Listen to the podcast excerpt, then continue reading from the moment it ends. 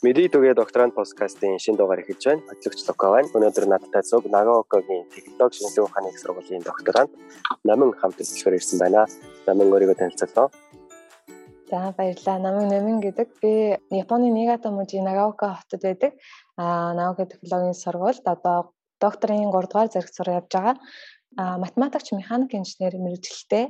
Тэгээ одоо сурж байгаа мэрэгжил маань болохоор байгаль орчин инженерчлэлийн салбарт одоо онгоцны хэлбэр оновчлох судалгаа хийгээд явж байгаа. Тийм юм байна. Баярлалаа. Өстой гоё сэдвээр гоё судалгаа хийд юм байна. Өнөөдөр зочноо танилцуулах. Окей. За манай зочин маань болохоор шийдлэх ухаан технологийн сургуулийн эрчим хүчний сургуульд багшилдаг. Цаг торл багш маань хүрэлцээрж ярилцахаар ирсэн байгаа. Сайн байна багшаа. Сайн байна уу? Сайн байна уу? Сайн байна уу? Сайн байна уу? Манай урилгыг хүлээж авч хүрэлцэн ирсэнд маш их баярлалаа. Баярлалаа. Та бүхэн бас урьсанд маш их баярлалаа. Баярлалаа. Та өөрийгөө тос танилцуулах уу? За тэгье.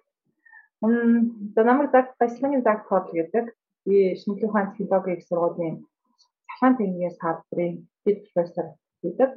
За ингээд э, ерөнхийдөө миний судалгааны ажлын чиглэл бол цахилгааны зах зээл, хүчмүшний зах зээл, хүчмүшний зах зээлийн зааг уучлал.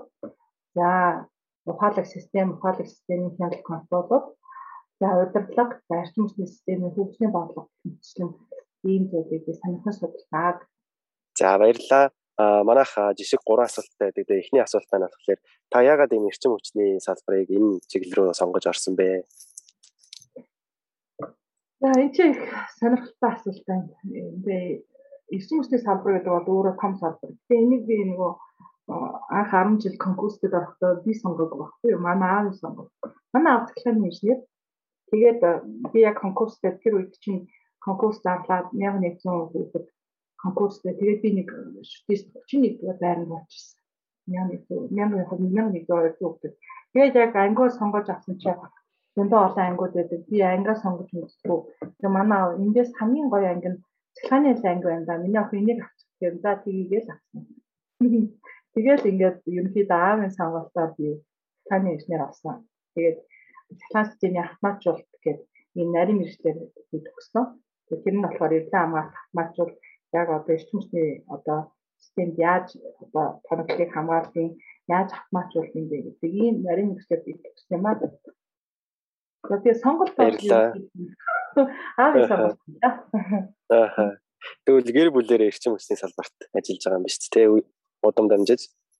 Тий, энэ манай аав юунд ер нь бол барилгын техник хомд багшилж байсан. Цахилгааны багш хийж байсан. Тэгээд аав маань ийм юутай яг одоо цахилгааны ангаар бас most most most цахилгааны анги байдаг байсан.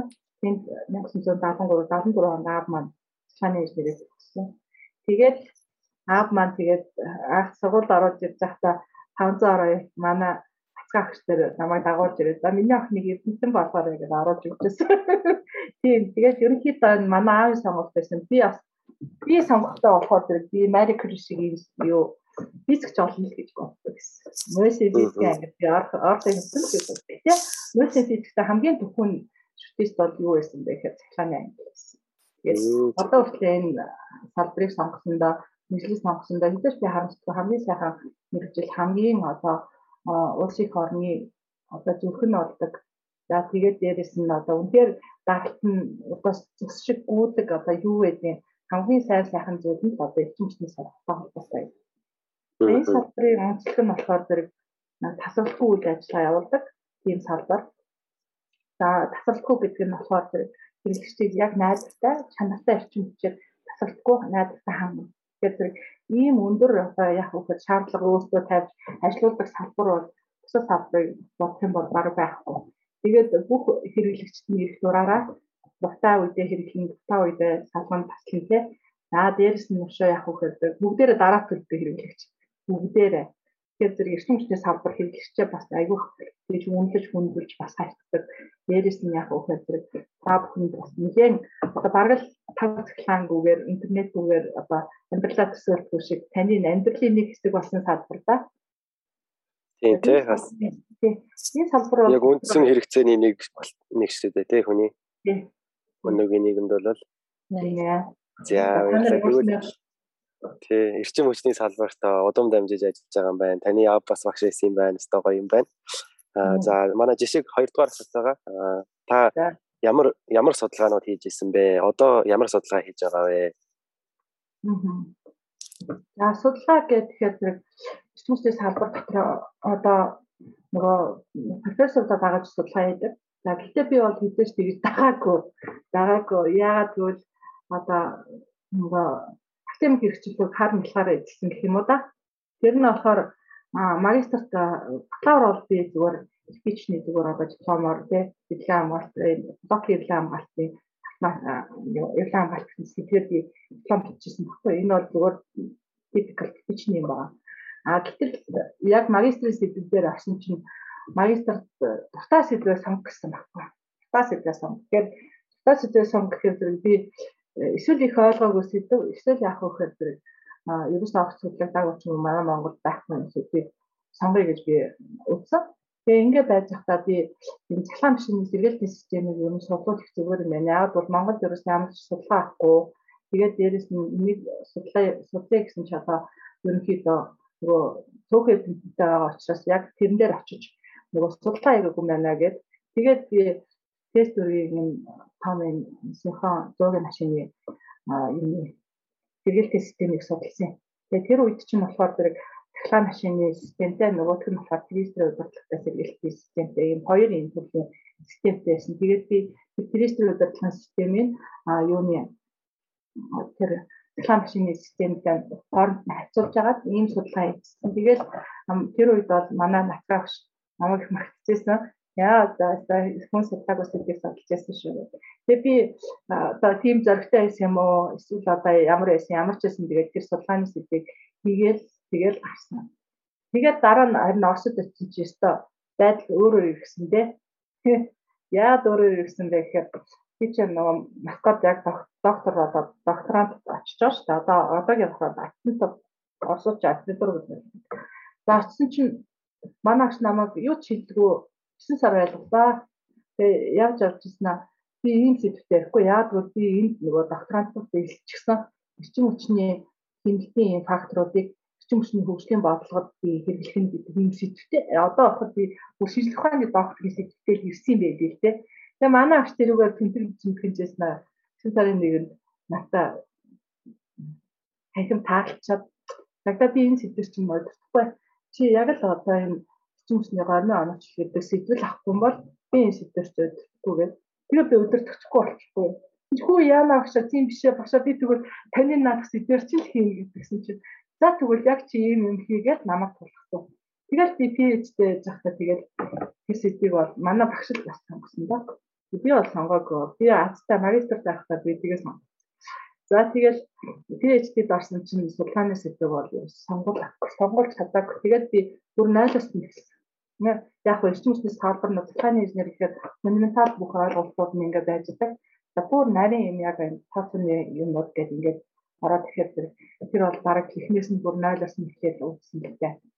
Тэгээд эхний ПП гарч багшаа байрлуулаад тэгээд дараа нь биччихсэн програм маань эхний тэр хэсэг нь юун дээр би турбо паскал дээр биччихсэн. Тэгээд тэрний тэрний маань өөртөө гараад манай агш үе авааштай гэж Тэгэл дараа нөгөө програмаа өргөтгөл өргөтгөл том програм болгоод бичээл ингээл тавихад ийм санаа амарсан да яг юм. Ер нь бол тэгэл ер нь тэр PhD-ийн судалгааны ажил бол ямар ажил байсан бэ гэхээр тэр эрчимчний эрчимчний систем дэх цахилгаан станцуудын хооронд ачаал хуваалтыг амжилттай байрлах. Одоо болоход одоо бодоход яг ер нь бол тэрэн дээр хит хит юм шин санаанууд гарсан Тэр нь юу вэ гэхээр эхлээд юм нь бол ийм онцлогийн бодлогыг бодохдоо орчин хүчний системийг бүр яг реальны байдлаар яаж програмчлж оруулах вэ гэдэг нэг тийм асуудал байсан. А хоёрдугаар нь юу вэ гэхээр яг нэг ийм нүүдээр нэг одоо үүсэлтээр яаж олон элементүүдийг яг дагавчилж оруулах юм бэ гэдэг нэг тийм ямыг шийдсэн. А тэгээд дараа нь яг үхээр зэрэг яг ийм онцлогийн бодлого бодоход эхлээд чадлын өсөлтийн тооцоо хийгээд тэгээд дараа нь онцлоо хийгээд дахиад дахиад чадлын урсгалын тооцоог тавьчих гэж 2 3 дахин хийдэг. Ийм зүйлийг би нэг л програмаар нэг удаа ингээд бодоод ингээ гаргацсан. Нэг ийм зүйл хийсэн байхгүй юу. Тэгээд багш маань тэгэл за за загта болсон байна гэж тэгэл бид хоёр яг тэгэл 3 жилдээ багцсан. Яг багцсан. Тэгээд эхний 9 сарда би нөгөө зүгээр ингээ өөр сэдвэр юм уншаа явсан шүү дээ. Тэгсэн чинь тэгээд сэдв солигдсон би их айсан за хугацаанд багтахгүй нэ гэдэг бас л их депресстэй байсан. Тэгээд хараа мараа заримдаа нь ажиллаа, заримдаа ажиллахгүй. Тэгээд нөгөө 2 3 том процедуртай тэр чинь ингээд програм мод тэгээд заримдаа ингээд нөгөө програма хоорондоо нийлүүлээд ингээд ажиллахаар хаана алдаа гарсан гэдэггүй ингээд явчихдаг. Тэрнийхээ алдаагийн цас гэж бас их нэлээд уддаг. Тэгээд тэр үедээ бас их шаардчихсан.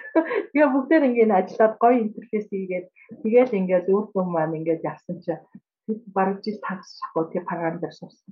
Тэгээд яг одоо шалгадаг тэр үр дүн гардаг юм 7 хоногийн дотор хийсэн. Тэгээд би амар баярлсан. Тэр үедээ үнэхээр нэрээ зөөсөн нэрээ бас кайт хорогийн кайт гэдэг чинь бас ийм байд юм биш үү гэдэг мэдсэн дээ. Яар гоё юм бэ. Тий. Тэгээ параграф бичиж тэгээ дараа нь ингээд бодсон чинь бас э, хүмүүс сануулж хэлэхэд юу вэ гэхээр би нанаа өгч заачгүй параграф бичгээд ингээд суудсан. Тэгээд тэр бол яг хэрэг яг интеграл яг оригинал ингээд юм болчихж байгаа. Тэр нь сайн. А гэхдээ би өөр нөгөө программист биш байгаа учраас чинь нөгөө надад программын төл бүрийн янз янзын юмтай ийм интерактив юм хийдэг юм чинь айгүй дахиж сурахад чинь айгүй челленж юм байсан л та. Тэгээд би программын заажсэн багштай их баярлсан. Одоо Кенис хатад профессор гэдэг оронч нэгэд манай багш байдаг. Тэр багштай би баярлсан. Багштай маш баярлсан. Надад бүх хичээл орж ирсэн багш нартай би баярлсан. Манай профессор надад Оросд байж хад бас их олон зүйлийг заасан. Тэр их мундаг профессор байсан. Тэгээд одоо энэ програмыг ингэж ингэж өргөжлүүлээд ингэж хийх юм бол ийм боломжтой болно шүү гэж надад хэлсэн. Тэгээд би за өргөжлүүлнэ гэж авсан. Тэгээд одоо өргөжлүүлсэн юм математик модель дээр нэлээд сайн өргөжлүүлсэн. Яг реализац хийгээд яг бүр програм болоод юм гэдэг би олоо авсан. Яг л дахиад нөгөө програмууд аягүй адаптац хийгээд би өөр миний програмын мэдлэг бас ингэж явах болчихж байгаа байхгүй. Тэгэхээр тэрийг програмаа дахиад Python болгоод ч юм уу ямар нэгэн байдлаар дахиад өөр програмтай холбоод ингэж явахаар зэрэг бас тийм чинь нэг ажил болчихсон учраас би бол одоо зарим хүмүүс хэлэхэд supply chain усуд хэлэхэд бэлэн гоё програмыг ашиглаарай а чадахгүй байх юм бол яг өөр өөрөө бичээс өөр аргагүй юм биш шүү. Энэ удаа тэр удаа програм. Та таны танилцуулгыг харж байхад их дэлхийн олон оронд постдок хийжсэн олон улсуудаар явсан байлээ. Тэр тэр газруудаа та ямар судалгаа хийжсэн бэ? Аа за эхлээд би юунд Астын тэр Стэнфорд нэг сургуулийн applied science-ийн тэр сургууль дээр нэг нэг сар юу яасан. Анхудаа би Европ явж үзэж байгаа тэр 10 жилийн дараа Орос Оросын дараа Орос явсныхаа дараагаар би анхудаа тэр Австрид очиж байгаа. Тэгээ тэнд явж байхдаа би мисийн гэдэг програмтай тэгээд дээрээс нь тэр мисийн програм дээр яаж нэг одоо нөгөө эрчим хүчний зах зээлийн нэг гац жижигхэн бодлого олох вэ гэдэг юм би сурах гад тэгээд хийх гээд тэнд очижсэн. Тэгээд нэг нэг ихтгэл тавиад нэг өгүүлбэр хийлээд тэгээд дээрэс нь токен хийгээ тэгэл ирсэндээ тэгээд тэр үед бол яах вэ гэхээр яг нөгөө эрчимчний тэгээд хид хідэн төрөл бүрийн үүсгчтэй ийм байхад хамгийн ачааллын график дээр тэр үүсгчүүд яаж оролцох вэ гэсэн тийм оролцооны тийм инсийн жижигхэн бодлого хийгээд тэрийг бид нар нэг энэ мостер нэг хурд болдог доо тэр хурд дээр бид нар тэгэл тавьчихсан. Тэгээ тэр нэг үеийн үүднээс олсон. Тэгээд хоёр дахиад нэг явхад бол би Италийн Лакула гэх сургууль яг одоо цахилгааны цахилгааны профессортай профессор Муси гэдэг Франческо Муси гэдэг профессор удирдлагаар паспорт 6 сар хийсэн. Тэгэхээр хугацаанд Парис нэг ихтгэл тавьсан. За тэгээд дээрэс нь өшөө бас бид хэдэн өгүүлбэр бичсэн. За Терна дээр очиж бас ихтгэлээ тавьчихсан. Терна гэдэг чинь нөгөө юу дээ одоохоор одоогоор бол манайх манайхны одоо спич үндэсний төв шүү дээ тэр спич үндэсний төв дээр нь тэр яг тэр нарийн мэрэгжлийн тэр хүмүүс дээр нь спич үз. Тэгээд би өөрийнхөө хийсэн судалгааны ажлыг танилцуулсан. Тэр судалгааны ажил бол ямар ажил байсан бэ гэхээр хүчний зах зээлийн загварчлууд гэж бас ингэ явуулсан. Тэгээд би яг real time буюу яг бодит хугацааны энэ трансны зах зээлийг санах яаж загварчдгийг яаж юу яад ингэдэг юм аа нэгдүгээр тэднээс яг үхээр өөрийнхөө хийсэн ажлуудыг харуулаад нэгдүгээр зөвлөгөө авч байгаа. А хоёрдугаар тэр нөгөө терма дээр тэр эрчимчний яг тэр том эрчимчний системээ яаж тэр удирдах юм бэ гэсэн нөгөө спичрийн удирдлагын бас нэлээд сурч авсан. За тэгээд Италид байж байхдаа бол ер нь бол яг тэр consumer node гэдэг яг одоо бид нар түрүүн би ярьж ярихтаа нэг юм англиар олон элемент ингээд дагуулна гэж ярьжсэн чинь өөр өөр шин чанартай. За тэрийг болохоор тэр нөгөө болохоор тэр яг consumer node гэж аад consumer гэдэг нь production за нөгөөх нь болохоор нөгөөх нь болохоор consumer гэдэг яг үүсгэж үүсгэж мөртлөөсөө хэрэглэгчтэй тийм ийм яг өөртөө үүсгэжтэй тийм хэрэглэж байгаа байхгүй тань хэрэглэгч тэрний шин чанар чинь өөрөө нөгөө эрчимчний системийн шин чанарыг өөрчлөөд тавьчихдаг нэг тийм зүйл манай тэр багш ингэ хийчихсэн. За тэр профессор Муси тийм юм төр ийм юм хиймээр байна. Профессорнуудыг дагвчил гэдэг би ууд нь ийм хийжсэн ба манайх нь би нэг нэг сонирхгүй байна гэж хийжсэн баггүй. За тэгсэн чинь багш юу гэж хэлсэн бэ гэхээр за тэгвэл чи смарт гридийн судалгаа хийгээд тэгээд юу энэ Италид 13 онд байж байхдаа тэр 6 сард би смарт грид технологи гэж юу гэдэг нэ гэдэг смарт гридийн тухай бас нэлээд их судалсан. За тэгээд байжсэн чинь бас манай ихч бас 6 сар клиентад бас пост хийжсэн байхгүй. Тэгээд манай ихч тэрэн дээр юу гарч ирсэн бэ гэхээр тэрэн дээр ухаалаг хотуудын загварчил гэдэг бас нэг тэдний сургууль бас нэг тийм ингээд манай ихч бас нэг тийм юм хийгээд дагвар хийжсэн. Тэгээд би ихчтэй хэлжсэн байхгүй. За би яг энэ ухаалаг технологи судлаад юм. Юу заагтаа би ухаалаг хотын технологи судалж наад чинь ухаалаг хотын нэг юм дэд бүтцийн ийм нэг жижиг юм мобилити гэдэг зүйл ордын шүү гэж ярьжсэн байна. Тэгээд яг хуу тэр бол ингээд бас нөгөө нэгэн их олон судалгаан дээр хамтарсан нөхцөл шүү дээ. Тэгээд аа за за яг тэр хэсгийг байгаа юм уу? За би тэгвэл энэ хэсгийг аягүй сайн судалж байгаа юм байна гэх. Тэгээ үндсэндээ бол яг үхээр тал байж байгаа анх энэ smart grid технологиг ер нь бол нэлээд сайн судлахгүй болохгүй байна гэдэг юм аа гаргаж авсан. Тэгээд Италийн экспертүүд, Италийн Тернагийн экспертүүд дээрс нь яг та тэр Италийн өөрийнх нь тэр юунууд Бакула University-ийн профессор бас тэгэл нэг би нэг гурван загварын тухай ярьсан байхгүй. Нэг нь болохоор юуны minute commitment model гэдэг одоо яг 7 хоногийн тануулт сонгодог юм загвар. А нөгөөх нь болохоор day heat model гэдэг хоногийн өмнөх зах зээл гэдэг яг хоногийн өмнө хэрэглэгч оюу хоёр а станц хоёр бит хийдэг, халчаа хийдэг тийм үнэ тогтоодог. Тэгээд хоног дотроо буюу яг real time ланс маркет гэж юу гэдэг юм. Тийм дахиад нэг юм ийм гурван юм. Тэгээд тэр гурван загвараа тус тус нь ингэж тавьчаад ингээ хоорондоо ингээ холбох гээд би чадахгүй байна гэж ингээ асуужсан. Тэгээд тэд нар болохоор зэрэг тэр үнээр нь холбох ч юм уу эсвэл технологиор нь холбох гэсэн тийм зөвлөгөө өгөөд явсан. Гэхдээ яг ийм нарийн загвар хийгээд тэгээ хооронд нь холбоно молбоно ингээ явахаар зэрэг энэ Монгол одоо том институтын юм хийдэг юм яах юм даа гэж намайг шоолсон л та. Тэгтээ одоо яах вэ би чадлаараа л хичээгээл тэгээд ямар ч гэсэн тэр үед тэр гурван загварыг бүрэн тавьдас дууссан. Тэгээд дээрэс нь яах вэ тэр node-ийн smart grid technology гэдэг юм дахиж ингэж хийхгүй бол энэ загварууд бас болохгүй байна гэдгийг би харж авч байгаа. За тэгээд дараагийн сэдв байна. Тэгээд дараагийнх дээр нь юунд очсон чинь би ч одоо нөгөө миний судалгаа чинь дандаа эрчим хүчний зах зээлийн загвар мавар гэж бодлого төлөвлөлтөд гэж илүү явж явна шүү дээ. За ингэ явжсэн чинь айгүй аттай би үдэлтэй байлээ. Тэр нь бол яг бүр эрчим хүчний зах зээлийн загварыг хийдэг газар юм.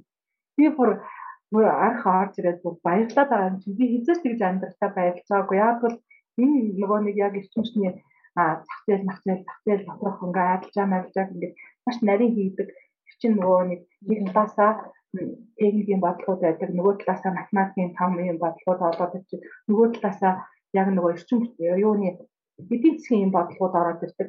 Ингээд нөгөө олон салбараар хамаарсан юм гараад ирэхээр хүн сонсохгүй байдаг.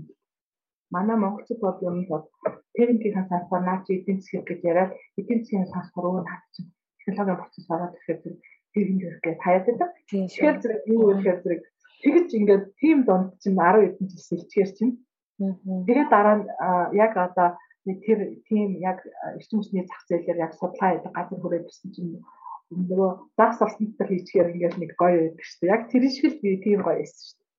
Тэгээд би тэнд 2 3 профессортай танилцаад тэгээд манай тэр профессор ч гэсэн ялгаа ахгүй тэр яг зах зээлээр нэгэрсэн тийм профессор байсан. Тэгээд бид хоёр нэг баахан real time-ийн энэ пластик зах зээлийг янзлах гэсэн ингээд би нөгөө Италид хийсэн хийж чадаагүй юм аа л одоо тэнд хийх гэж үзээд байгаа шүү дээ. Тэгсэн чинь надаа за яг хоо загвар бол ингээд тавьдгийн тийм байрдیں۔ Би чинь технологи рекламын дээр ингээд зохицуулсан. Тэр нэрийг бол би мэднэ шүү дээ. Гэтэ надаа шал өөр юм бас тавьсан. Чи чи болохоор зэрэг одоо ингээд ийм загвар магвар юм зүм чи одоо бараг л ингээд хийгдсэн юм чинь чи одоо дахиж энийг судлаад авах шаардлага байхгүй гэж хэлсэн байхгүй юу. Тэгээ за тийм дээ гэж. Тэгээд чи үдэл тэр тэр яг судалгааны тэр яг индастри энержи индастри гэдэг баг бол юун дээр их мундаг байсан гэхээр agent based modeling-аар айгүй номер 1 гэдэг.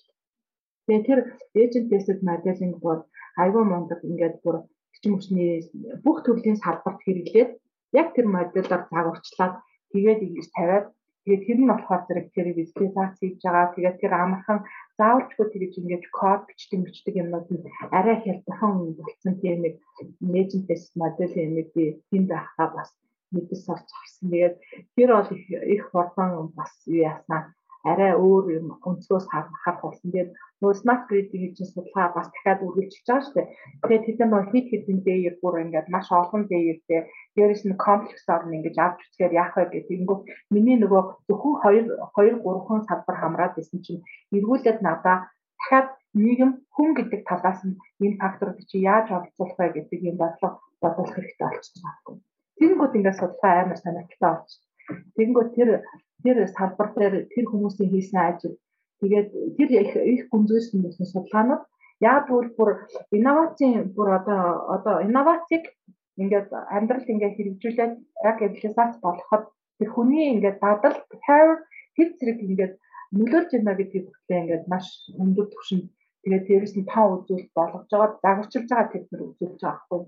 Тэгээд тийм түвшинд хийсэн судалгаа би Монгол хараагүй, Оросд хараагүй, тийм За би Итали тараагүй. Тэгээд бас Австрид тараагүй тийм судалгаанууд авдаг.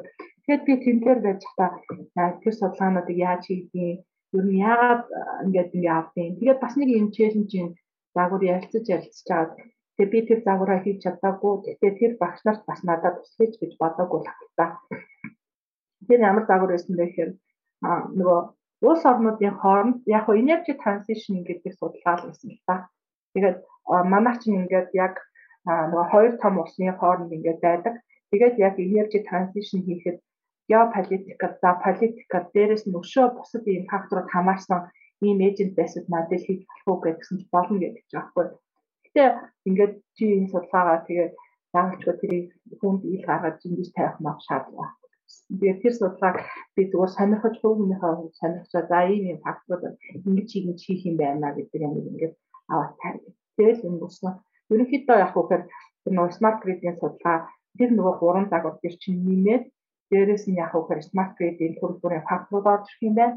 За дээрэс нь өшөө яг үхээр тэр политикийн янз янзын эйжент байсад модельээр фактор болгож тавихаар тоо үнэлгээ болохоор параметрууд болохоор тийм юмнууд нэмж орж ирэх юм байна гэдэг юм маань ингээд явсан. Тэгээд би ингээ явсаар нөгөө техникийн бодлого маань эргүүлээд явсаар байгаа бүр хүний бүр дадал зөвшөөр Harvey хэмжээнд орж бүгд ирж үзсэн гэлээ. Тэгээ ингээд судалгаа маань ингээд өргөжсөн. Тэгээд заримдаа ингээд нэг хүн намайг шаалсан юм аа мэддэг ч юм байхгүй мэддгүй ч юм байхгүй за чи яас их олон янз янзын юм бэ гэх тэгээд өгдөг. Тэгээд яг хуу олон жилээр судалгаа хийгээд явахаар зэрэг чиний судалгааны салбар чи өөрөө мэдхгүй ингээд 1 2 1 2 ингээд агсаар байгаа. Ингээд олон салбарт олчтой юм байлээ. Тэгээд чи олон салбарын хүмүүсийн яаж байгаа ямыг анхааралтай сонсдог болдог.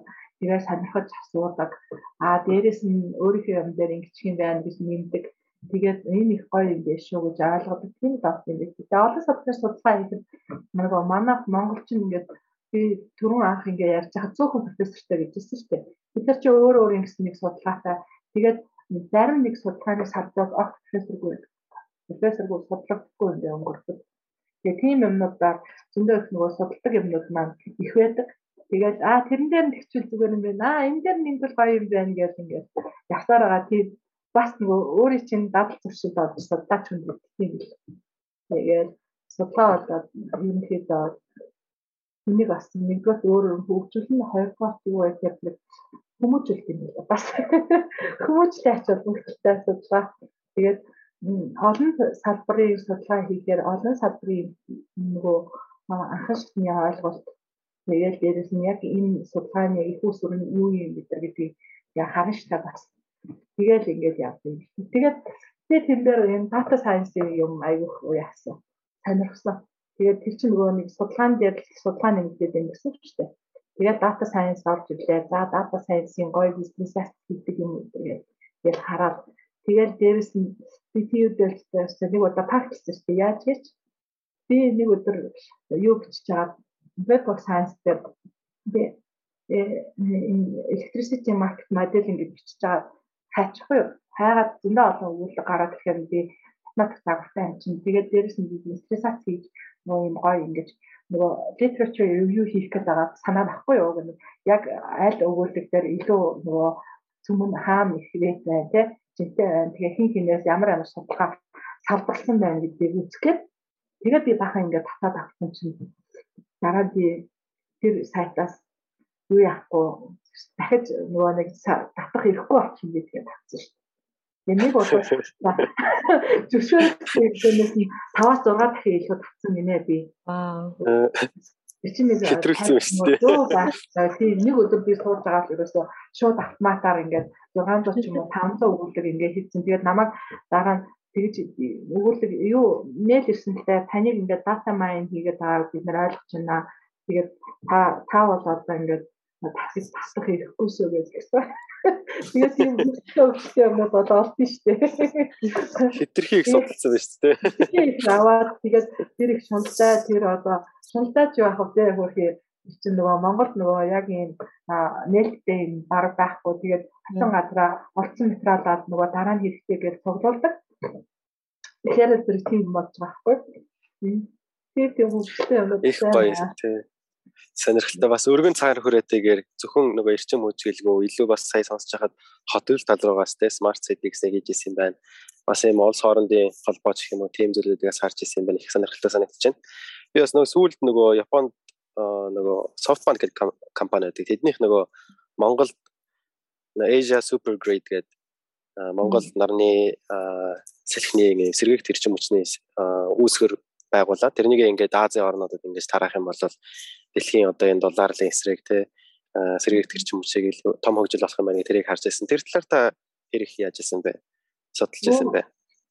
Тэр би нөгөө нэг нэг диджитал байж хата яг наадахны чинь тийм төсөл манай Монгол ингээд юуны сэргээгт эрчим хүчнийг яваач юм шүү. Тэгээд нь манайх ийм юм болцоотой ийм юм байдаг.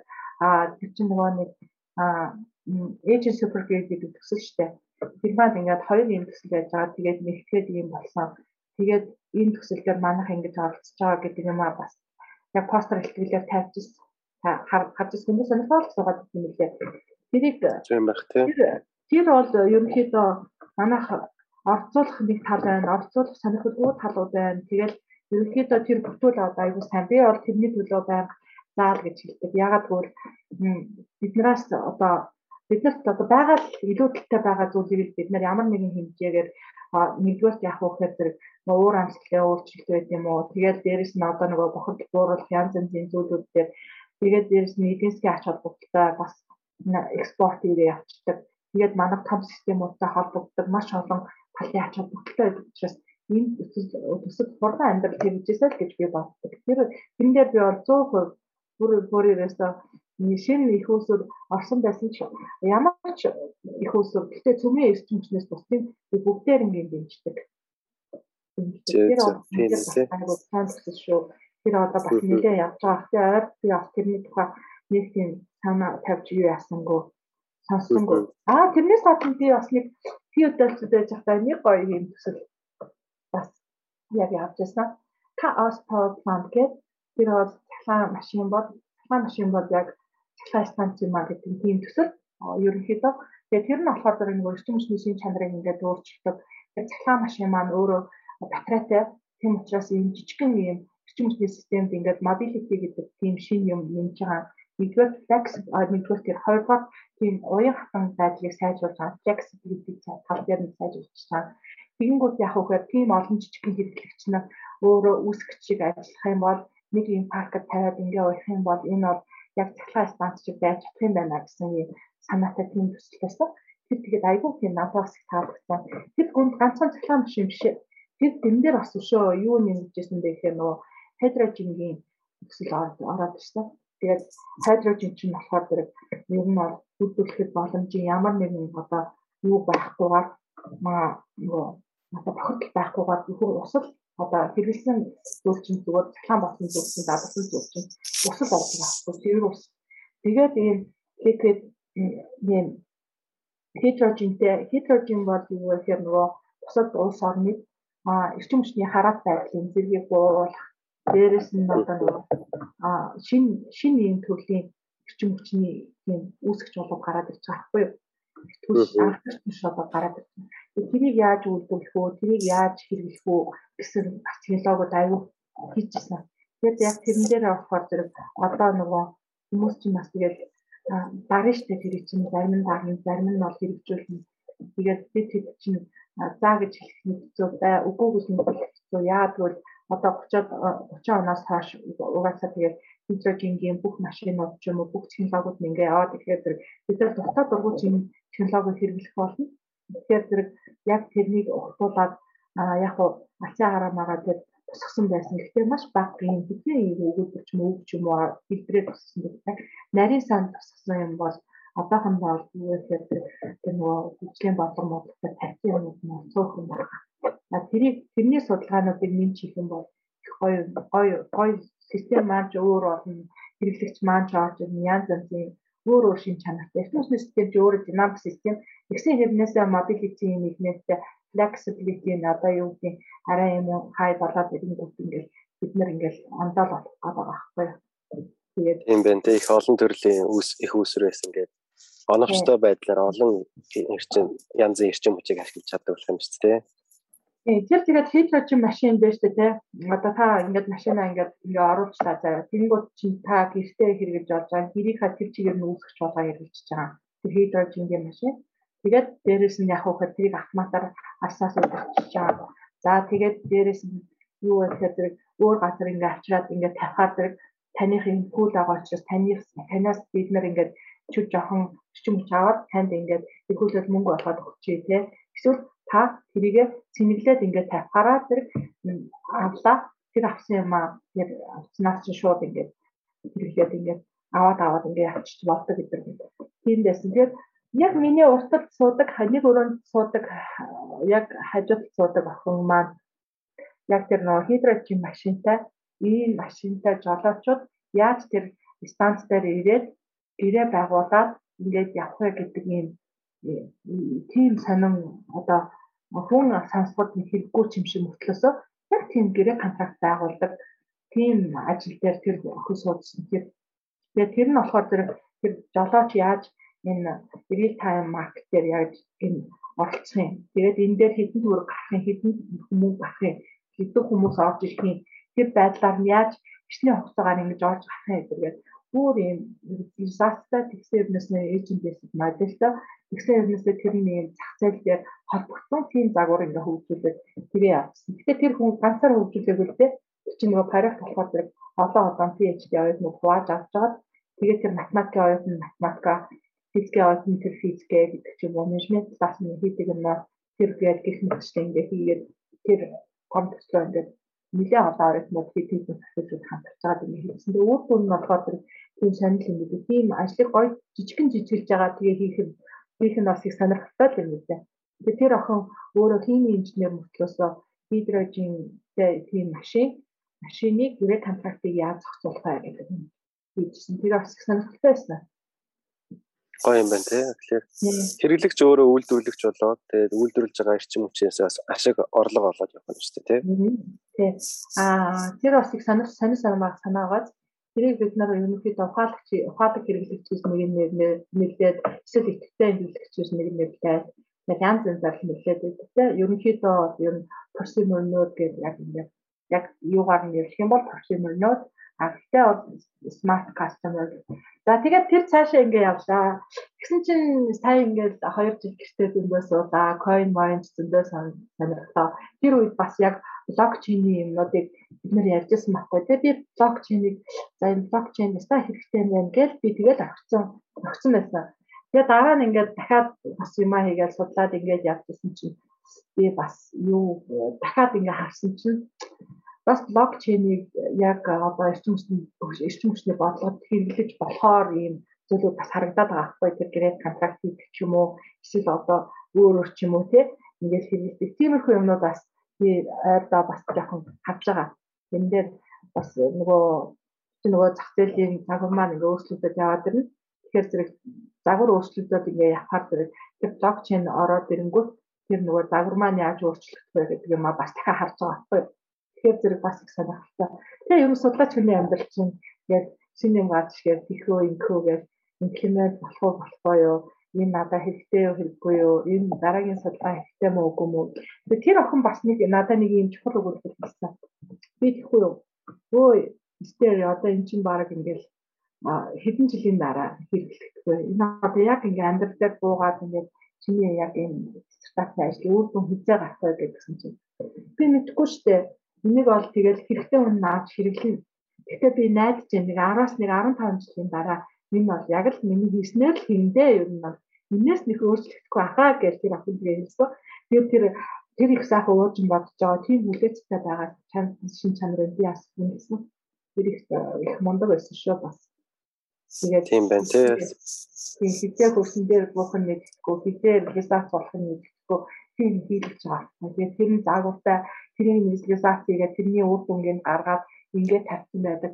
Тэгээд тэр нь дотроо чи юу хийсэн бэ гэдгсэн чинь энэ жолоочийн бас л behavior дадал habit гэдэг нь орж байгаа гэж хэлж байгаа хгүй. Тэгэхээр их сонирхолтой. Тэгээд behavior science-ийг бас нэлээд судлах юм бол бас гоё юм байлээ. Тэгээд ер нь нөгөө нөгөө техникийн анх нөгөө л ингээд явж исэн юм чинь төсөөлдөө явсараа бүр social science бүр янз янз юм болоод ирэхэд зэрэг юм чинь хүний нөгөө нэг ингээд сонирхол ингээ өөрчлөгдөөд судалгааны юм өөрчлөгдөөд тэгээ ингээд цэцэг шиг гоё дэлгэрээ те ингээд юу илээ гэж батхаар тэгэл тэгэл сайхан нөгөө амьдралыг ингээ сайхан болгож байгаа. Өөрийнхөө судалгааг сайхан болгож байгаа. Олон хүнтэй танилцж байгаа. Тэгээ хизээ нэгэн цагт чиний хийсэн юмыг хэн ч ишлэхгүй байсан ч гэсэн хэн ч тэрийг нав байхгүй байсан ч гэсэн энийг хэн нэг нь аваад үзээд хэрэглэх авах хэдэн жилийн дараа ч гэсэн амаа тэр их сайхан болоосон тэр охин бүр 10 10-аас 15 жилийн дараа л миний нэрвэлдэж шүү гэж хэлсэн тийм Шинжлэх ухаан ийм судалгааны салбар чинь нөгөө дундаас урт хугацааны ирээдүйг бүтээж яадаг болохоор ер нь бол их тийм олон төр талаас нь хараад их олон зүйлийг судалдаг болохоор их гоё салбар л да тий. Тэгээд хоёр та гэхдээ би ингээд ингээд зөндөө олон газар ингээд яваад ингээд үзэж хахад энэ бас оюутнуудаа ч одоо надаа ингээд зөндөө хөрөнгө оруулчлаа дээ. Гэхдээ би одоо яг одоо хасаж олонтой айгүй үнэтэй хөрөнгө болчихж байгаа байхгүй юу? Яг тэгвэл би зөндөө олон газар офлайн тэтгэлгээд ингээ явцсан. Зөндөө олон газар хүн амттай ингээ уулзаад зөндөө олон юм мэдлэг шингээсэн. Миний шингээсэн юм чинь одоо хин нэгэнт ингээ засах хэрэгтэй үстэй. Тэр засахтаа их зүүн хүн засах хэрэгтэй байхгүй юу? Тэгээ тэг гадаад засах хэрэг байхгүй тий. Тэгээ монголчууд бол сайн засах хэрэгтэй байхгүй. Тийм учраас яг үхээр би ажил төрлөө хийхдээ хоёрнуудаас айгуу тийм бас юм сураасаа гэж тийм талаас нь ханддаг шүү дээ. Тэгэхгүй бол манай Монгол оюутнууд чинь тийм нэг жоохон заримдаа юм хинэггүй завтай байдаг байхгүй юу? Тэний өмнөөс юу сурч үзэж байгаа юм шиг. Тэгэхээр зэрэг тэгхгүйгээр тэр хүүхдүүд тийм одоо гайгүй шиг бакалавр нэгжилтэй ингээд болчих юм бол бас дэлхий дээр өөрчлөлт хүний нүдний доор хүний хэлсэн их нөгөө хэлсэн үний хэлэн доор бишгсэн үний мөрөн доор гэдэг шиг тэгж явахгүй байхгүй. Ер нь бол тийм шүү. За одоо нэг манай тийм тийм учраас нарийн мэрэгжлийн тийм их юмыг бол нам сурж ах хэрэгтэй. Тэгээд яаднасаа заримт нь шахтын заримт нь шахтын юм. Ер нь Тий, тэгээ манай гурав дахь жижиг асуултаас та яг сая энэ Монголын юм талаар хэлчихэв. Яг энэ эрчим хүчний салбараар Монгол орны нөхцөл ер нь хэр хөгжилтэй, дэвшилтэй явж байгаа вэ? Та их олон улсад постдок судалгаа хийсэн, корпорацууд зах зээл тийм зүйлүүдийг харсан байна. Харьцуулах харах зүйл их боломж зөндөө байсан байх гэж бодож байна. Тэр талаас нь та тайлбарлаж өгөөч. Харьцуулах гэдэг ингэ явахаар хэрэг харьцуулна гэдээ явахаар за эхлээд би орсон жишээг яриа. Орос намайг одоо 2001 онд би ассистентд очиж хахад дөнгөж одоо зах зээлээ ингээд нэгээл хүчмөснийхаа салбарыг Оросоор либералчлаад тэр одоо интерравас гэдэг одоо тэр хүмүүс зарим нь зарим нь дутаач гэдэг, орсууд өөрсдөө дутаач гэдэг, дургуйч гэдэг. Тэгээд энэ зах зээлээ даатгалсан. Бүр аюул сайн заагдаад тэгээд одоо би Москвад 10 12 жил шахуу байсан. Яг ингээд нүдний өмнө тэдний зах зээл ингээд ховсож өөрчлөгдсөн. Гэтэ орсууд яаж хийсэн бэ? Тэрийг аюул маш аюул алдаатай зарим юм байна, авахарч юм байна. За авахар юм нь юу вэ гэхээр маш сайн техник рекламыг гаргаж байгаа Тэгээд дээрэс нь тэр бодлого модлогоор үнэхээр одоо бүр нэг цэг таслалгүй үнээр тавьж хагаад тэгээд бүхэн болгоомдны оролцоог маш зөв хандсан. Тэгээд дээрэс нь яг тэр сонгож шилгуулалтын механизм нь хүн болгонд ойлгомжтой байдлаа хийгээд эрчим хүчний зах зээлийг бол үнэхээр сайн одоо нөгөө арилжааны байдлыг үнэхээр сайн хийсэн баггүй. Бүс унтагда заан заандаа хуваагаа тэгээд дээрэс нь хамгийн одоо одоо эн чинь юм шүү дээ Ер нь бол эрчим хүчний зах зээлийг ерөнхий ерөнхийдөө урт хугацааны урт хугацааны зах зээл гэж чадлын зах зээл гэж хэлдэг. За богино хугацааны зээл гэхээр нэг жил доторх юмнууд ороод ирдэг багтаа арилжаанууд ороод ирдэг. Тэгээд бид нэр Оросууд яаж хийсэн бэ гэхээр зэрэг тэгэхээр чадлын зах зээл, цахилгааны зах зээл хоёроо бүр аягүй сайн ялгсан. Ялангуутаа яах вэ гэхээр зэрэг доторх загваруудын бүгдээр ингэ тавьсан. Загваруудын хоорондоо хоорондоо холбосон тэр хоорондын холболтыг бол би ерөнхийдөө бол ерөнхийдөө За энэ үнээр л ингэж холбогдоод байгаа юм байна гэж ойлгоо. Гэхдээ тэр чинь нөгөө яг технологийн нарийн юм болохоор чинь зэрэг яг тэр одоо электронно площадка гэдэг нэг юм үүсгэж байгаа тэд нар бүр бүх оролцоог нь ингэж хангаж байгаа тэр хийсэн байхгүй. Тэр боломжийн болсон. Тэр бол яг математик цаг уртай. Тэр нь яг ингээд тайлбарлагддаг. Тэр нь регламенттэй бүх оролцоонуудыг бүгдээр ингээд ингээд тэгш байж байгаа. Сургалтуудыг бүгдээр ингээд хийж байгаа. Тэгээ ингээд авсан. Тэгэхээр тэр загвараа шилжтийн загвар гэдэг Бүтэн хоёр юм яах вэ гэхээр загвар габар тавьсан. Миний мэдгээр хоёр загвар шүү дээ. Тэгээ хуучин загвар байсан. Тэгээд Norem Horem гэж байсан. Дараа нь Norem гэж ингээд тавиад техникчл ингээд явсаар байгаа шилжүүлээд бид нар бол яах вэ гэхээр эхлээд энэ спичийн төвлөрсөн баталгаа ярина үгүй нараа жил болонгуудаа энэ юм болохгүй байна. Бид нар буцаагаад энийг decentralized байсан нэг centralized дарам байна гэд тэгээ ингээд бас ингээд тавьсан. Тэгээ тэр нэг юм шилжилтийн сайхан байсан. Тэрийг одоо би одоо ингээд байнга ингээд судалж байгаа болохоор тэр ингээд хараад за ямар нэгэн мэдээлэл оролцох болцоотой одоо юу гэдэг юм те сурах муугтай мөнгө үйл очиж бүр суучаас те үнтэй бол би сууж чадахгүй шүү дээ тэгээд нам зохиол юм зөмнүүд нь тийм тийм актыг дагаад ингээд би аваад дагаад юм ин хараад байдаг. Тэр их ойлгомжтой тэр их боломжийн болсон. Тэгээд тэр яагаад тэр боломжийн болсон бэ гэхээр тэр нэгдүгээр тэр зохиолынхаа загварыг маш сайн ажилласан. А хоёрдугаар ч юу гэхээр тэр хүн болгоно ойлгомжтой болсон ерөөсөн. Ойлгомжгүй зүйл гэж аахгүй тий. Хэрэглэгчийн өмнөд нь тусдаа а тэгээ хэрэглэгчийн үнийг бол үс хургасан. Хүнд байсан ч гэсэн бид нар жилд 20% нэмдэг. Тийм ээ. За энэ гэсэн өөрчлөлт юм болсон шүү. Бид нар яг юм байна шүү. Одоо яг манайх болохоор тэр барьцандаа алдчихад байгаа байхгүй. Бид нар ч айгүй барь. Одоо бид нар чөлөөлнө гэж яриад байгаа шүү. Чөлөөлж чадахгүй л ясаар байгаа сая энэ 22 оны 7 сар хүртэл өн чөлөөхгүй гэж ярьчихсан. Тэгэхээр тэр барихгүйгээр ингээл 7 юу 1 сарын 1-ндээ үнэ нэмдэг. 7 сарын 1-нд дахиад тэрийгээ дахиж үнэ дахиж өөрчилдөг. Хоёр удаа үнэ шүү дээ. Их ч байсан баг ч байсан маш бага мөнгөөр маш бага тийм контент мэтлээ өөрчлөгдсөн байдаг. Тэр нь тийм амар зүг юм байна тий. Тий. Тэгээд ингээ явахаар зэрэг тэр нь их зүг явсан надад санагддаг. За бусад газруудаар ингээ харахаар хятад бол одоо л одоо үн мөнөө чөлөөтэй юнитри явж байгаа болохоос биш. Хятад бол юм дотроо бол аюул хаалттай шүү дээ. Хятадыг судалдаг нөхцөл бол байдаг. Тэр бид нар л аюул боломжийн юм яах. Би бол хятадээр ямар нэгэн коммент өгч чадахгүй байна. А Японд байж хад Япон бол өөрөө бүс нутгаараа 9 ширхтийг ингээ хуваагдсан хоорондоо ингээ нөгөө давтамжийн зөрүүтэй тэгээд хоорондоо холбогдохоор тэр хоорондоо транзакшн хийхдээ ямар шугыг хийх юм би сайн мэдгүй. Тэгэхээр Японд бас үүсч чадахгүй. А Европын холбоо бол яста тэрийг бол бүрэн утгаар нь бас их сонирхолтой хийсэн. Яагаад Европын холбооны сонирхолтой байна гэхээр тэрийг тэмдэг тэр энэ energy harmony гэдэг юм ингээд тавьсан. Тэгээ energy harmony хийхэд бүгдээрээ бүх Европын холбооны улсууд оролцсноо гэж тэгээ тэр оролцоог яаж зөв хангах вэ? Тэгээд дээрэс нь тэр нөгөө эрчим хүчний аюулгүй байдал тэгээд тэр эрчим хүчний яг тэр цахилгааныхаа үнийг яг байх уу яаж хийх үү гэдэг юмыг бас регламенттэй хэвнээс маш сайн сонирхолтойгоор бас тогтоосон тохиолдол байна. Тэр их сонирхолтой. За яг тэгвэл Оросод яг математик дагавраараа ингээд тавьчихсан байж аа Европын холбоо бол бас ялгаа байхгүй тэр юутай тэр harmony гэдэг юмыг хангана гэж тэгээд дээрс нь transaction гэдэг юм маш сайн хийн. Гэхдээ дотор байгаа энэ уус уус доторх байгаа эрчим хүчнийхээ хэрэглээг бол бүрэн cover хийх ёстой, бүрэн одоо яг баланс байх ёстой гэдэг юм бас ингэчтэй юм байна. Тэгээ ийм яг Орос хятад Монгол гурав гэхээр их том юм усууд ингээд газар нутгийн хувьд ингээ өөр харагдаад байгаа. Нэг нь гэхдээ хэрэглээнүүд нь ондоо ондоо тий.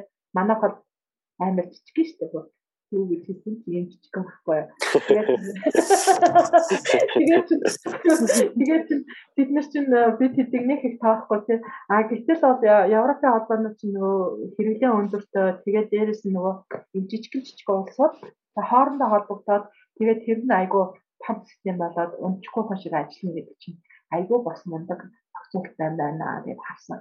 А бас Скандинавын орны бас Nord Pool гэдэг. Одоо Nord Pool гэж нэрлэхэд байсан л да. Скандинавын орны 5 орн бол бас их Европ бас жишг болохоор тэр бас зохицуулттай юм билээ. За би Америкийг бодож жоохон судлах. Гэхдээ Америк бол бас нөгөө стат болгоно өөрөө байдаг болохоор бидний юмнуудыг хооронд нь гэхээр тэр бас хэцүү юм билээ. Би тэрийг зааж Америк бол яг ерөнхий юм байт юм байна. За тэгээд дээрэс нь энэ юу болгоно штат болгоно өөр байгаа учраас эдний зохицуулгаатай байд юм байна гэж харж авсан да. Би бас тийм эрчим хүчний талаар хичээл лекц сонсч байсан.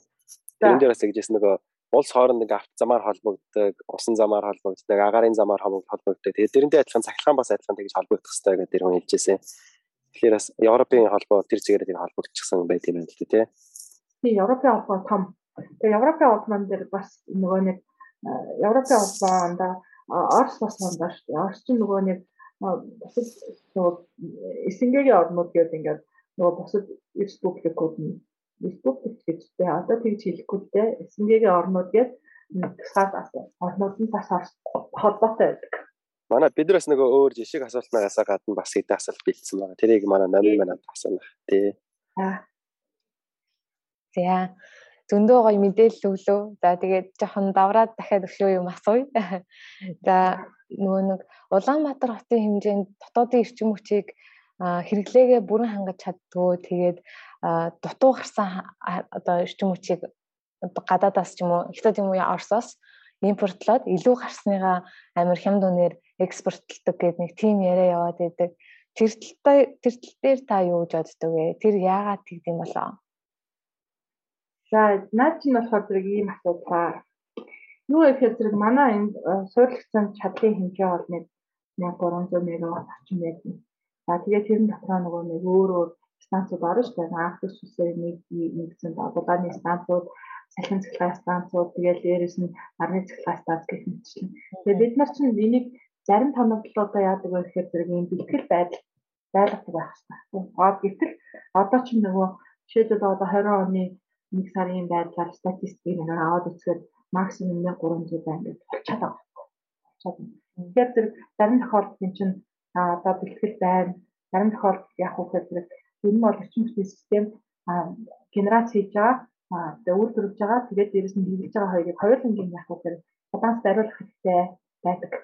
Тэгэхээр тэр балансыг бариулаад яг 50 гэрцийнхаа давтамжийг ингээд тогтвортой байж байгаа орчин үеийн систем маань найдвартай ажиллагаа ингэж хангаад байж За гэтэл юу вэ гэхээр зэрэг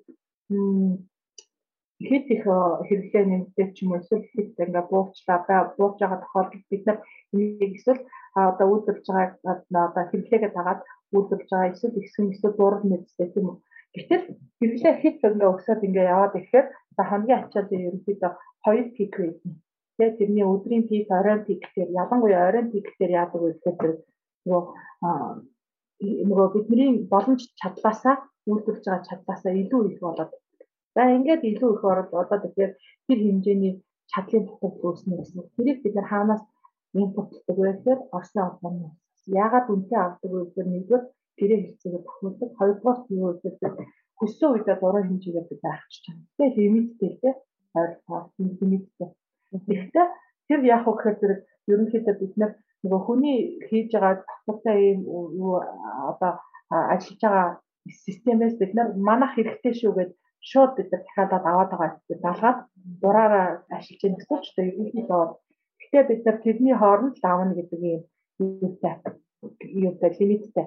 Тэгээ тэр хоорондоо бид нар авна. Ингээ авахтаа яах вэ гэхээр дураараа ингээд яг тэдээс тэдэн цагийн хооронд хэмжсэн ингэж авч байгаа учраас өндөр үнэтэй авдаг. Өндөр үнэтэй байх нь чарга авдаг. Угаасаа юу гэхээр тэр бол хамгийн хамгийн хоног доторх зах зээлийн лансинг маркетаас шууд авч байгаа. Хэдхэн цагийн хооронд авч байгаа. Ийм учраас вэ гэхээр тэр маань өндөр үнэтэй байдаг. Яг тэр бас хоёр улсын нэгдүгээр одоо дипломат харьцаа бүх юмнаас хамаарна. Хоёрдугаар гэрээ яаж хийсэн нэтэрэ гэдэг юмас хамаарна. Тэр бол юу гэхээр бид нар бас бас л нэгдүгээр эрчим хүчний хувьд хараад байгаа гэдгийг харуулна. Хоёрдугаар юм юу гэхээр бас л манай дахиад юм шатлын төтөлд бид нар ороод байгаа юм биш үү гэдэг юм бол харуулдаг байгаа гэсэн үг. Тэгээ ер нь бол сонсож байгаа хүмүүс урайлж хэлэхэд ямар ч эрчим хүчний шинээр үүсгэж тавьсандаа тэр маань атомын цахилгаан станц биш бол юу гэхээр хүмүүс манад байгаа байгаа юмаа бид нэр ашиглан датцсан доогоо бид хэрэг тэмцэн учраас тийм нүүрсний станц байгуулж болж байвал байгуулах хэрэгтэй.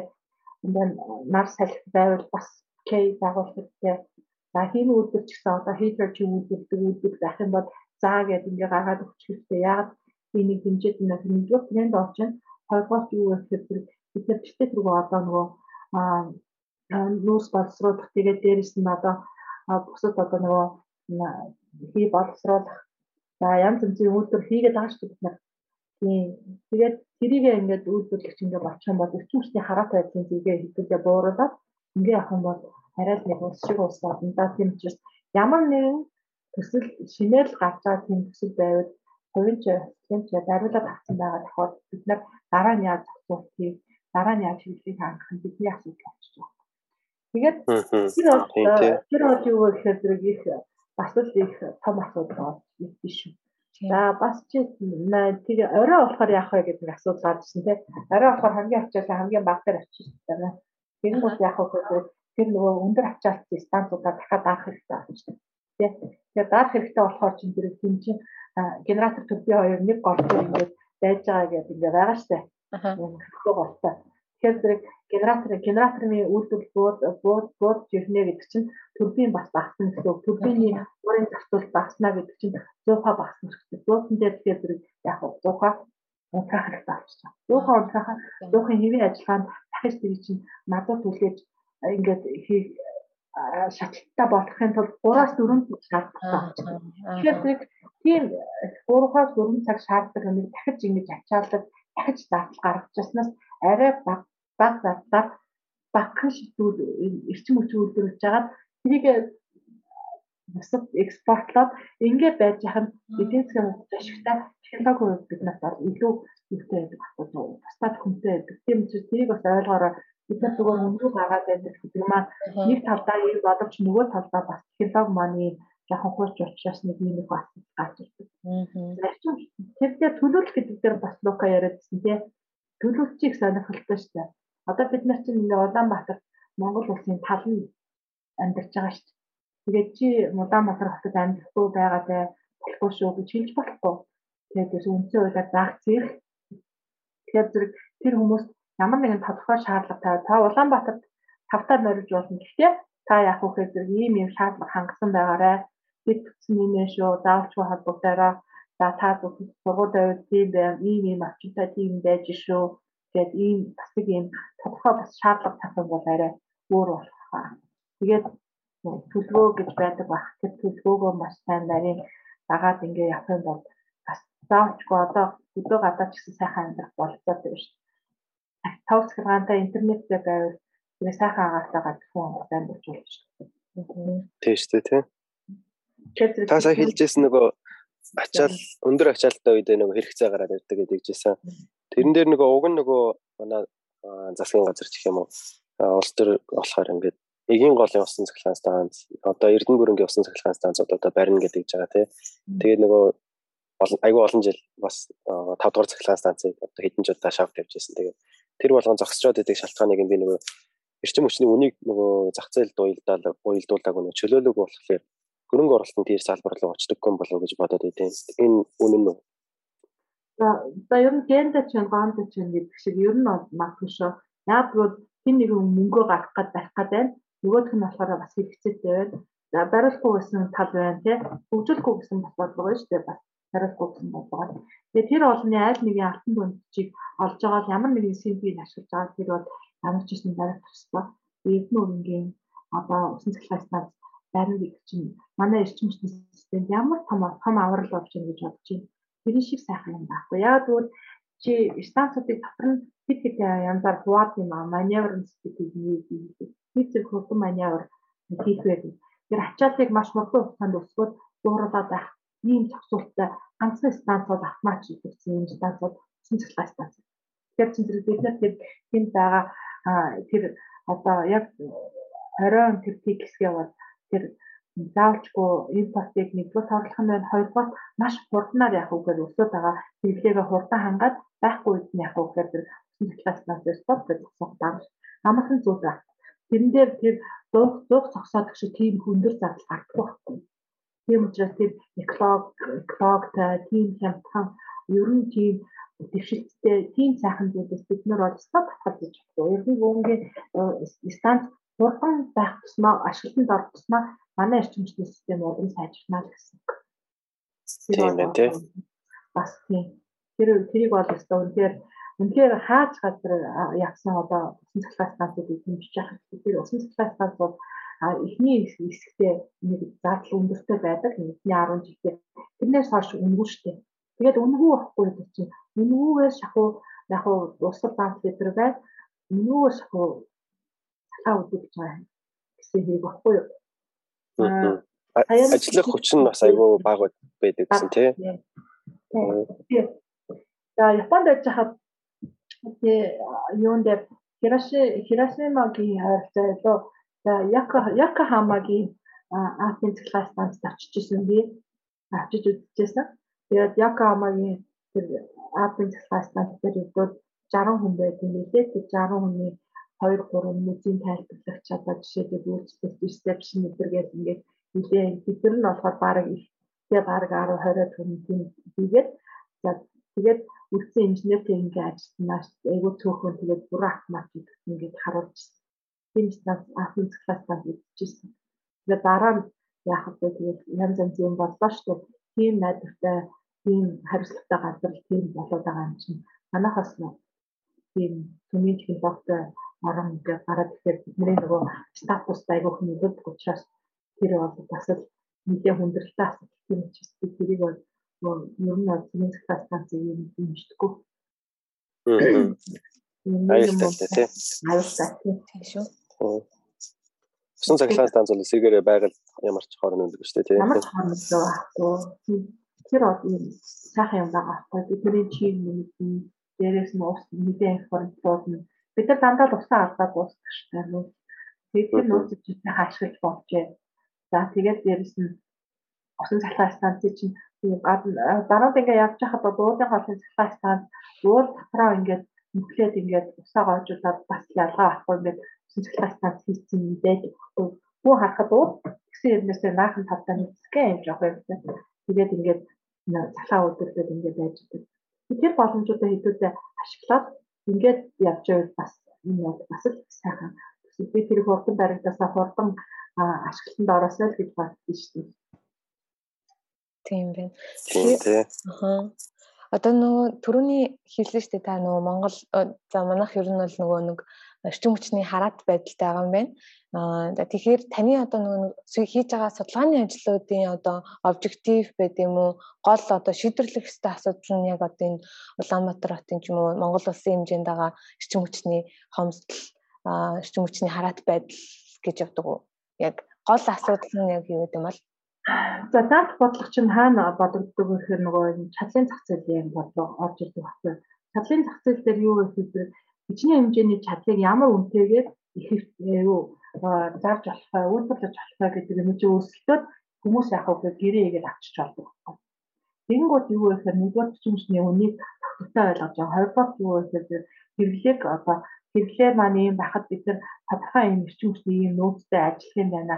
Шинээр тийм эрчим хүчний одоо үйлдвэр шинэ одоо ресурс нэмэхэд ийм юм байна гэдэг бид нэг чадлын зах зээлийн бодлого бодогдчих. Тэрэн дээр болохоор зэрэг яг эрчим хүчнийг одоо нөгөө юг өргөтгөөд ингээд хийхэд ямар ямар шинэ их усүр орж ирж байна тэр нь ямар оновч ямар одоо хэмжээгээр оролцохыг тэр нь одоо жишээлбэл экологийн фактор тооцсон ч юм уу үнийн фактор тооцсон ч юм уу яаж орж ирэх вэ гэдгийг энэ чадлын зах зээлийн бодлого тэрэн дээр орж ирсэн. Тэгэх юм бол тэр бодлого дээр тэр бодлогыг сайн бодоод харангуут тэр статистик тийм оролцоотоор ингээд гараад ирдэг гэсэн бодлогоор гарч ирсэн. Тэр тэр бодлого оролцсноо оролцсон. Тэр бас нөгөө нүүр агш нэг дээр үед бас нэг юм динамик цагаар одоо багш ба миний анхны нөгөө Монгол байж хад миний тэр хэмжлэлийн бодлын тэр гिचсэн баггүй. Манай тэр багш динамик бодлого батсан. Тэр бодлогон дээр юу байсан бэ гэхээр ер нь бол имитац загвар тавьсан юм аа. Excel дээр имитац загвар тавьжаа сойдороор болоод тэгээд тэрэн дээр болохоор зэрэг багш аюу тийм оновчлын бодлого хийхдээ аюу олон тийм одоо станцууд тийм тийм байна гэдэг ингэж тавьж хагаад тэгээд ингээ бодоод тийм тийм оролцоотой байна гэдэг юм гаргаж ирчихсэн. Тэрэн дээр ямар нэг үн мөн ч юм уу идея юм байх гэсэн ба. Тийм үү. Яг го байгаа схем дээр одоо жишээлбэл одоо шугамын нэвтрүүлэх чадвар гэж байна шүү дээ.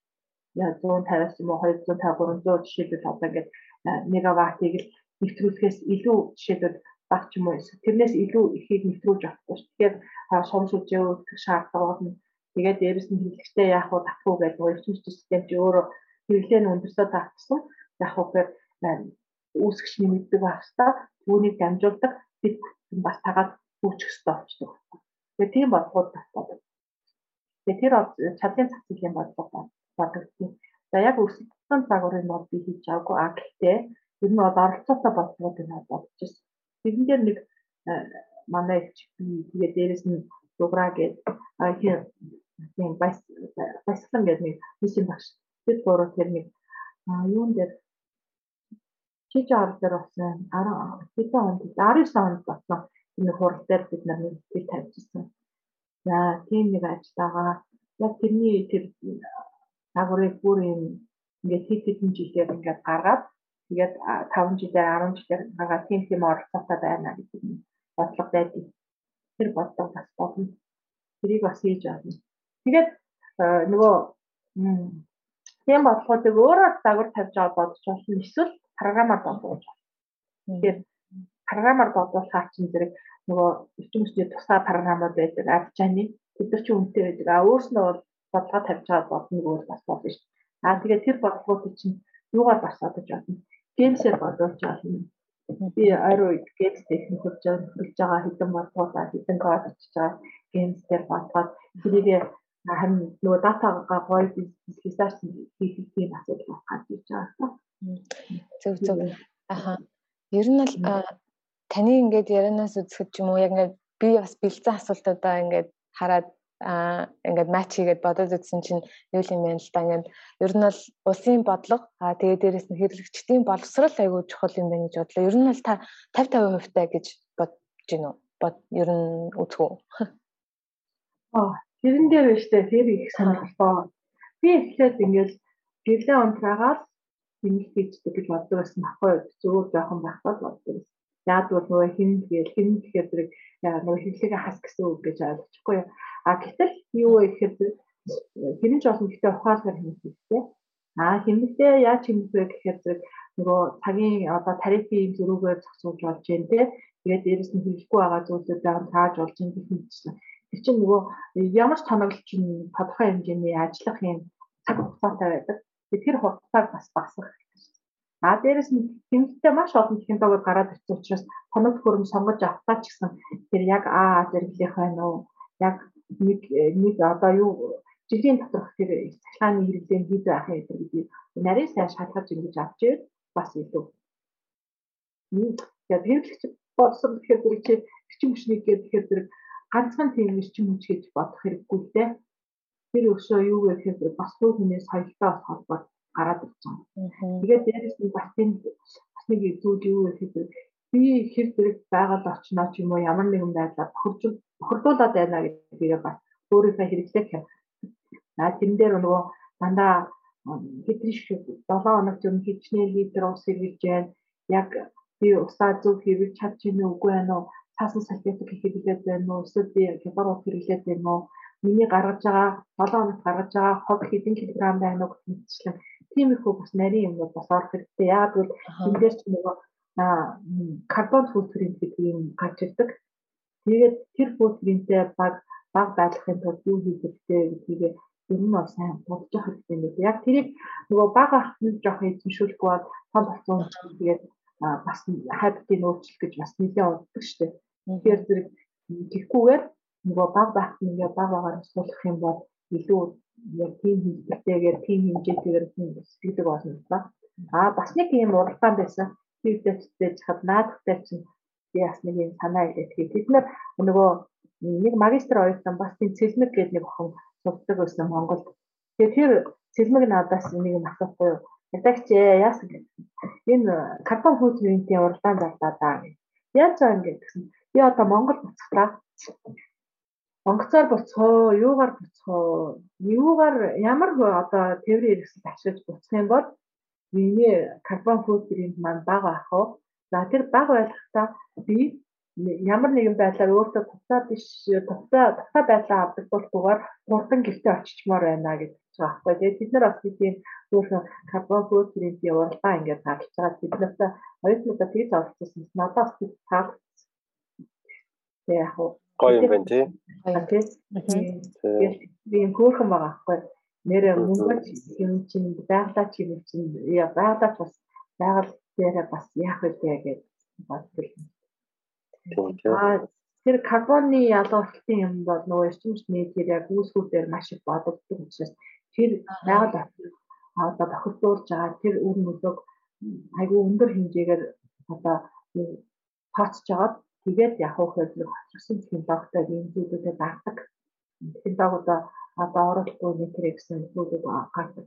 За бас өшөө хичээл дээр жишээлбэл одоо битэн юм юм хийдэг, арилжаа явуулдаг. Аа тэгэхээр арилжаа явуулдаг тийм хичээл гэхээр зэрэг чимшнээ одоо үйлдвэрлэгч нь тэр байна, хэрэглэгч нь тэр байна. Тэр дунд нь одоо тийм тийм агрегатууд байна. За тэгээ хоорондоо ингээд арилжаагаа явуулдаг гэдэг ингээд битэн хийдэг баггүй. Тэгээ ингээ арилжаа явуулахаар хүмүүсийн дээр зан чанар тэр бодож байгаа юмнууд ингээ бас гарч ирнэ. Зарим хүн их мөнгө ингээд гэдэг их их чадал зараад их их энерги зарж байгаа богино хугацаанд амжилттай хийх гэдэг зарим нь урт хугацаанд давтарсан ингээд бас хийх гэдэг тийм бас ийм хөөрхөн юм яг энэ тоглоом хэлбэрт оруулж байгаа бий болгож байгаа ингээ бас хичээл явуулсан юмнууд бас байдаг. Тэр их ус дуутай. Тийм ээ тий. Би хоёрын заахны зах зээл яаж байдаг. Тэг сонирхолтой. Тэгэхээр нэг зүйлийн асуулт асууж байгаа багшаас нэг сонирхолтой асуулт асуух заавал хэрэгтэй гэж бодож байна. Тэр нь болохоор нөгөө одоо Монголд судлаач багш нар их цөөхөн байдаг штэ. Ялангуяа одоо шүтээс мөч гэдэг юм уу. Миний мэдхийн л Монголын багш нарын цалин хэвлээ. Тэгээ багш нар ингээд кредит цагаагүй захын тулд амар завгүй хичээлэл заагаал байдаг. Хажуугаар нь судалгаа хийхэд маш хүндрэлтэй байдаг штэ. Тэгэхээр миний мэдхийн заг торол багш бол одоо IEEE ч гэдэг юм уу гişинчлэлтэй байдаг. Тэгээд ингээд байнгын ингээд судалгаа хийгээд одоо ингээд ярианаас нь харахад ч гэсэн ганцхан эрчим хүч гэлгүй бүх салбарыг судлаад явж байгаа штэ.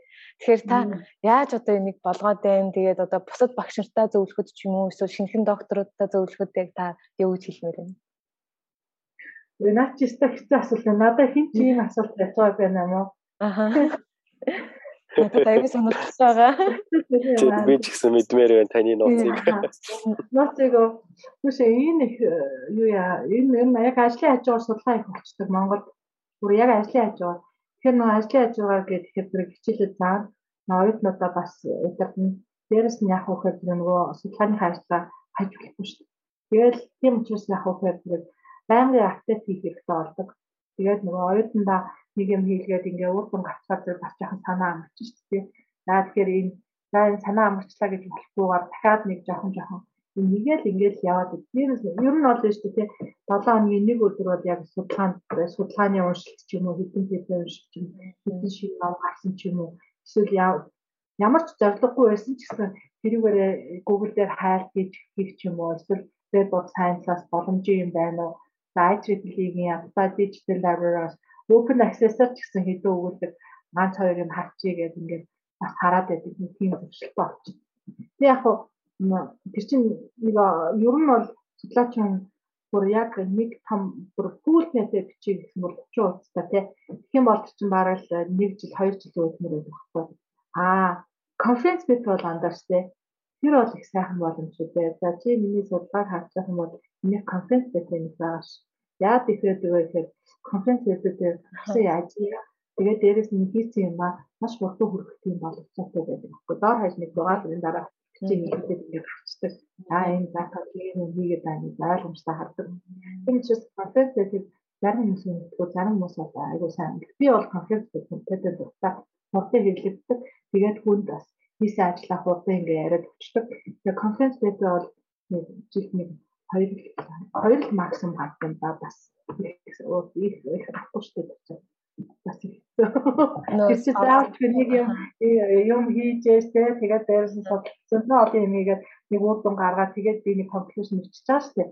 Тэгээд бичиж байгаа учраас тэр чинь бас юу байдаг вэ? Байдаг? Яг цаг авах. Тэрийг би нэг пэпэндээ жишээлбэл би 7 8 сар хийдэг. Тэгээд яг амралтын үед дээд цагаа биелүүлнэ нэг пэпэ нэг ямар ч юм нэг хоёр хурал заавал хийх нь хоёр конференц пэпэтэй байна. Өшөө дээрээс нэгэн нэгэн ингээд нэг ботцсон юмуд байдаг. Яг тэрийгээр тэгээд хийндээ. Тэгээ ер нь амжилт мэдээж шүү дээ. Хүн хүсчээвэл амжилтдаг баггүй Хүсэхгүй бол хизээч. Тийм угаасаа байсан ч амжуулахгүй. Таны ярианаас таны ярианаас харахад ингээл та бүр угаасаа судалгаанд ингээл амар дуртай. Тэгэл бүх ингээл судалгаа шинжилгээ ч юм уу ингээл бусад салбар ингээл тэг бусад салбарыг харамсан судалгаа гэж ярьж байхдаа та бүр ингээд ад жаргалтай гэрэлтээд байгаа байхгүй юу? Угаасаа тийм хүн чинь тэгээ судалгаагаа хийхгүй яах юм бэ те? Би манайд бими бими зүгээр нөгөө нэг конференцд оролцоод дедлайнтай тулдаал хийж явчихна. Дедлайн дедлайн минь намайг мотивацжуулж байна. Тэгээ тэгээ за бид нар маш гоё ярилцлаа, олон талаар ярилцлаа. Эрчим хүчний салбар, судалгаа ямар байдаг? Бас зөвхөн Монгол гэлтгүү таны ажиллаж исэн судалгаагаар явж исэн сургуулиуд, босод орны жишээг ч гэсэн их дэлгэнгүй тайлбарж өгсөн маш их баярлалаа. Аа. Тийм. Тэгээд ийм Монгол бахархлын өдрөөр та ингээд амралтынхаа өдрөөр цаг заваа гаргаад бид нартай ингэж ярилцж өгсөн бас баярлалаа. Сонсогчдоо Монгол бахархлын өдрийн баярын мэндийг хүргэе. Баярлалаа. Баярлалаа.